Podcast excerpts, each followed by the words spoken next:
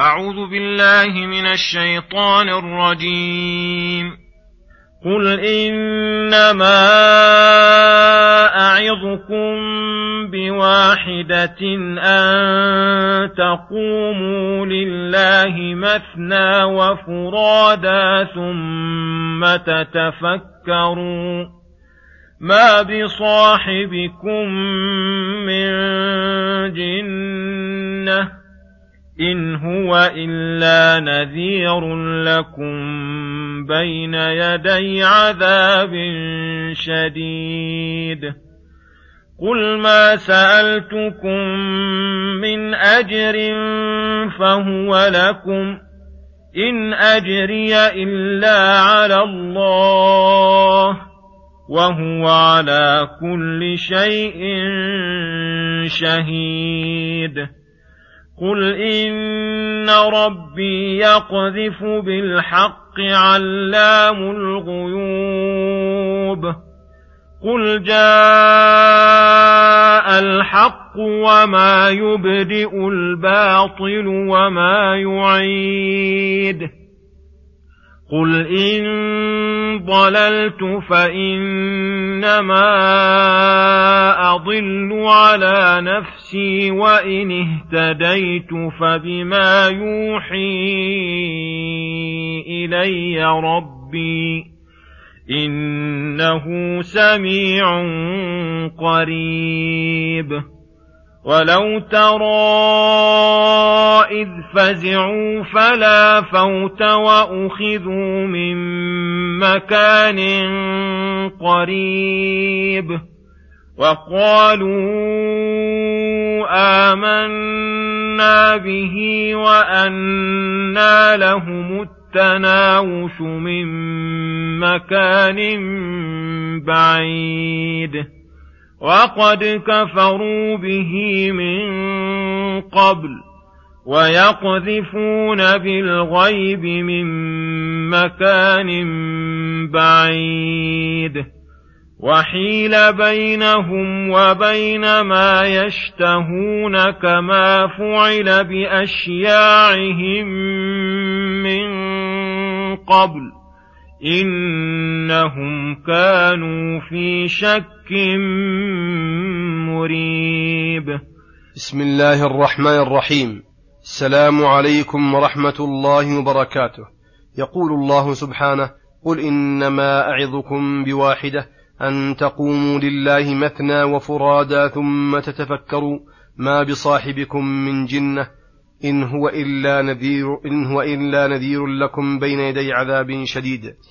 أي قل يا أيها الرسول لهؤلاء المكذبين المعاندين المتصدين لرد الحق وتكذيبه والقدح بمن جاء به إنما أعظكم بواحدة أي بخصلة واحدة أشير عليكم بها وأنصح لكم في سلوكها وهي طريق النصف لست أدعوكم بها إلى اتباع قولي. ولا إلى ترك قولكم من دون موجب لذلك.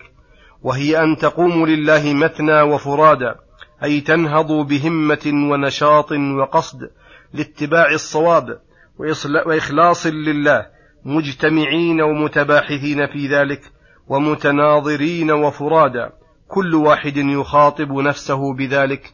إذا قمتم لله مثنى وفرادا استعملتم فكركم وأجلتموه وتدبرتم أحوال رسولكم.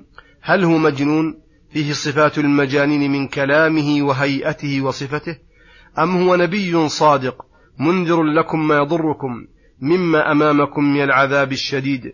فلو قبلوا هذه الموعظة واستعملوها لتبين لهم أكثر من غيرهم أن رسول الله صلى الله عليه وسلم ليس بمجنون لأن هيئته ليست كهيئة المجانين في خنقهم واختلاجهم ونظرهم. بل هيئته أحسن الهيئات وحركاته أجل الحركات وهو أكمل الخلق أدبا وسكينة وتواضعا ووقارا.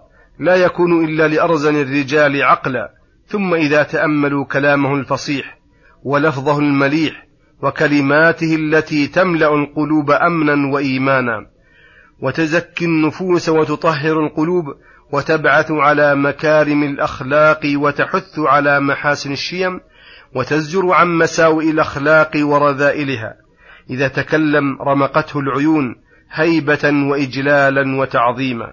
فهل هذا يشبه هذيان المجانين وعربدتهم وكلامهم الذي يشبه أحوالهم؟ فكل من تدبر أحواله وقصده استعلام هل هو رسول الله أم لا سواء تفكر وحده أم معه غيره جزم بأنه رسول الله حقا ونبيه صدقا خصوصا المخاطبين وهو صاحبهم يعرف أن يعرفون أول مرة أو يعرفون أول أمره وآخره. وثم مانع للنفوس آخر عن اتباع الداعي إلى الحق وهو أنه يأخذ أموال من يستجيب له ويأخذ أجره على دعوته. فبين الله تعالى نزاهة رسوله عن هذا الأمر فقال قل ما سألتكم من أجر أي على اتباعكم للحق فهو لكم. أي فأشهدكم أن ذلك الأجر على التقدير أنه لكم. إن أجري إلا على الله وهو على كل شيء شهيد. أي محيط علمه مما أدعو إليه. فلو كنت كاذبا لأخذني بعقوبته. وشهيد أيضا على أعمالكم سيحفظها عليكم ثم يجازيكم بها.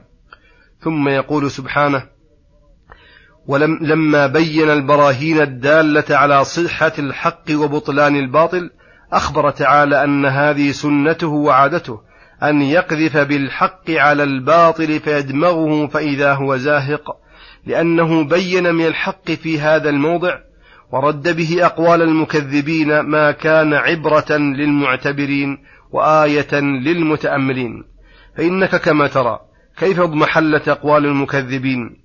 وتبين كذبهم وعنادهم وظهر الحق وسطع وبطل الباطل وانقمع وذلك بسبب بيان علام الغيوب الذي يعلم ما تنطوي عليه القلوب من الوساوس والشبه ويعلم ما يقابل ذلك ويدفعه من الحجج فيعلم, فيعلم بها عباده ويبينها لهم ولهذا قال قل جاء الحق أي ظهر وبان وصار بمنزلة الشمس وظهر سلطانه وما يبدئ الباطل وما يعيد. أي اضمحل وبطل أمره وذهب سلطانه فلا يبدئ ولا يعيد. ولما تبين الحق بما دعا إليه الرسول وكان المكذبون له يرمونه بالضلال أخبرهم بالحق ووضحه لهم وبين لهم عجزهم عن مقاومته. وأخبرهم أن رميهم له بالضلال ليس بضائر الحق شيئا. ولا دافع ما جاء به. وأنه إن ضل وحاشاه من ذلك لكن على سبيل التنزل في المجادلة فإنما يضل على نفسه أي ضلاله قاصر على نفسه غير متعد إلى غيره.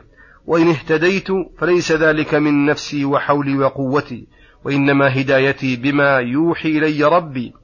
فهو مادة هدايتي كما هو مادة هداية غيري إن ربي سميع للأقوال والأصوات كلها قريب ممن دعاه وسأله وعبده. ثم يقول تعالى ولو ترى أيها الرسول ومن قام مقامك حال هؤلاء المكذبين إذ فزعوا حين رأوا العذاب وما, أخبرت وما أخبرتهم به الرسل وما كذبوا به لرأيت أمرا هائلا ومنظرا مفضعا وحالة منكرة وشدة شديدة وذلك حين يحق عليهم العذاب فلا فوت لهم وليس لهم عنه مهرب وأخذوا من مكان قريب أي ليس بعيدا عن محل العذاب بل يؤخذون ثم يقذفون في النار. وقالوا في تلك الحال آمنا بالله وصدقنا ما به كذبنا ولكن أن لهم التناوش أي تناول الإيمان من مكان بعيد قد حيل بينهم وبينه. وصار من الأمور المحالة في هذه الحالة. فلو أنهم آمنوا وقت الإمكان لكان إيمانهم مقبولا ولكنهم كفروا به من قبل ويقذفون أي يرمون بالغيب من مكان بعيد بقذفهم الباطل ليدحضوا به الحق. ولكن لا سبيل إلى ذلك كما لا سبيل للرامي من مكان بعيد إلى إصابة الغرض.